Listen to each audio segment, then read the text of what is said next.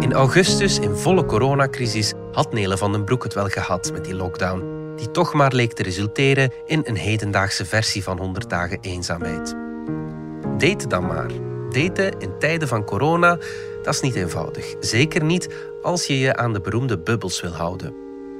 Eén knuffelcontact dan maar. Dan moet het meteen boenk erop zijn, dacht Nele.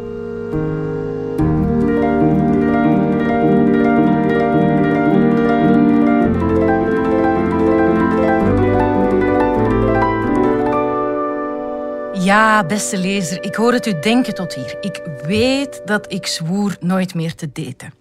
Nog niet eens zoveel columns geleden.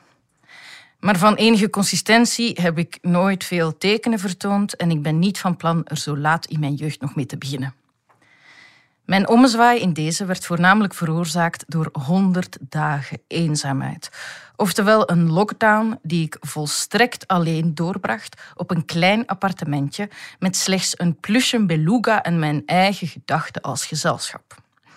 Dat verhaal van die plusje beluga vertel ik ooit nog wel eens, maar over mijn eigen gedachten kan ik alvast zeggen dat ik ze niemand anders toewens. I just don't know what to do with myself. Het moet maar eens gedaan zijn met die eenzaamheid. Als er nog een golf komt, dan ben ik maar beter voorbereid. Ik wil een bubbelmaatje. Iemand die het ruisen van mijn binnenste toch iets wat weet te overstemmen. Iemand die ik rustig kan onderkwijlen zoveel ik wil. Daten in tijden van corona is niet eenvoudig. Het moet meteen bunkerop zijn. In het verleden hanteerde ik eerder de strategie van het machinegeweer. Veelvuldig proberen, dan zal er op een duur wel eentje raak zijn. Maar om virologische redenen is dat tegenwoordig niet verantwoord. Er is maar één plaatsje meer in mijn bubbel. En wie dat plaatsje inneemt, doet dat dan toch tenminste al voor de volgende vier weken. Een eeuwigheid op de schaal van mijn liefdesleven. De methode van de rustige sluipschutter lijkt hier dus veel beter geschikt lab. Dat is niet mijn sterkste. Het selectieproces speelt zich volstrekt online af. Ik weet mij een weg door spelfouten en cowboy-emoji te banen en kom uiteindelijk uit bij een specimen dat mijn goedkeuring weet weg te dragen. Hij heeft gevoel voor humor, waarmee ik voornamelijk bedoel dat hij lacht om mijn mopjes. Een wandeling in het park dan maar, op anderhalve meter afstand. Na een kwartiertje wandelen is mijn brein al in kortsluiting. Het is een erg leuke jongen, daar niet van.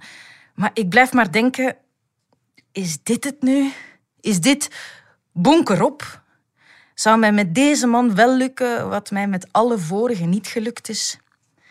Vragen die men zich vooral niet dient te stellen op een eerste date, dat weet ik wel. Maar zeg dat tegen die gillende kabouter in mijn kop. Sorry, zeg ik.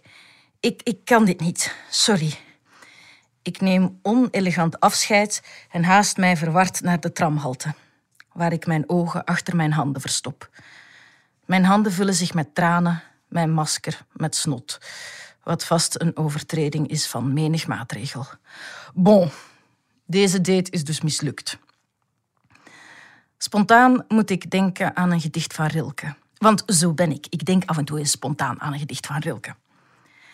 Wer jetzt allein ist, wird es lange bleiben. Wie nu alleen is, zal nog lang alleen zijn. En dan heb ik het nog niet eens over corona. Ik bedoel, ik ben 35. Ik heb een hele rugzak aan trauma's en hechtingstoornissen opgelopen.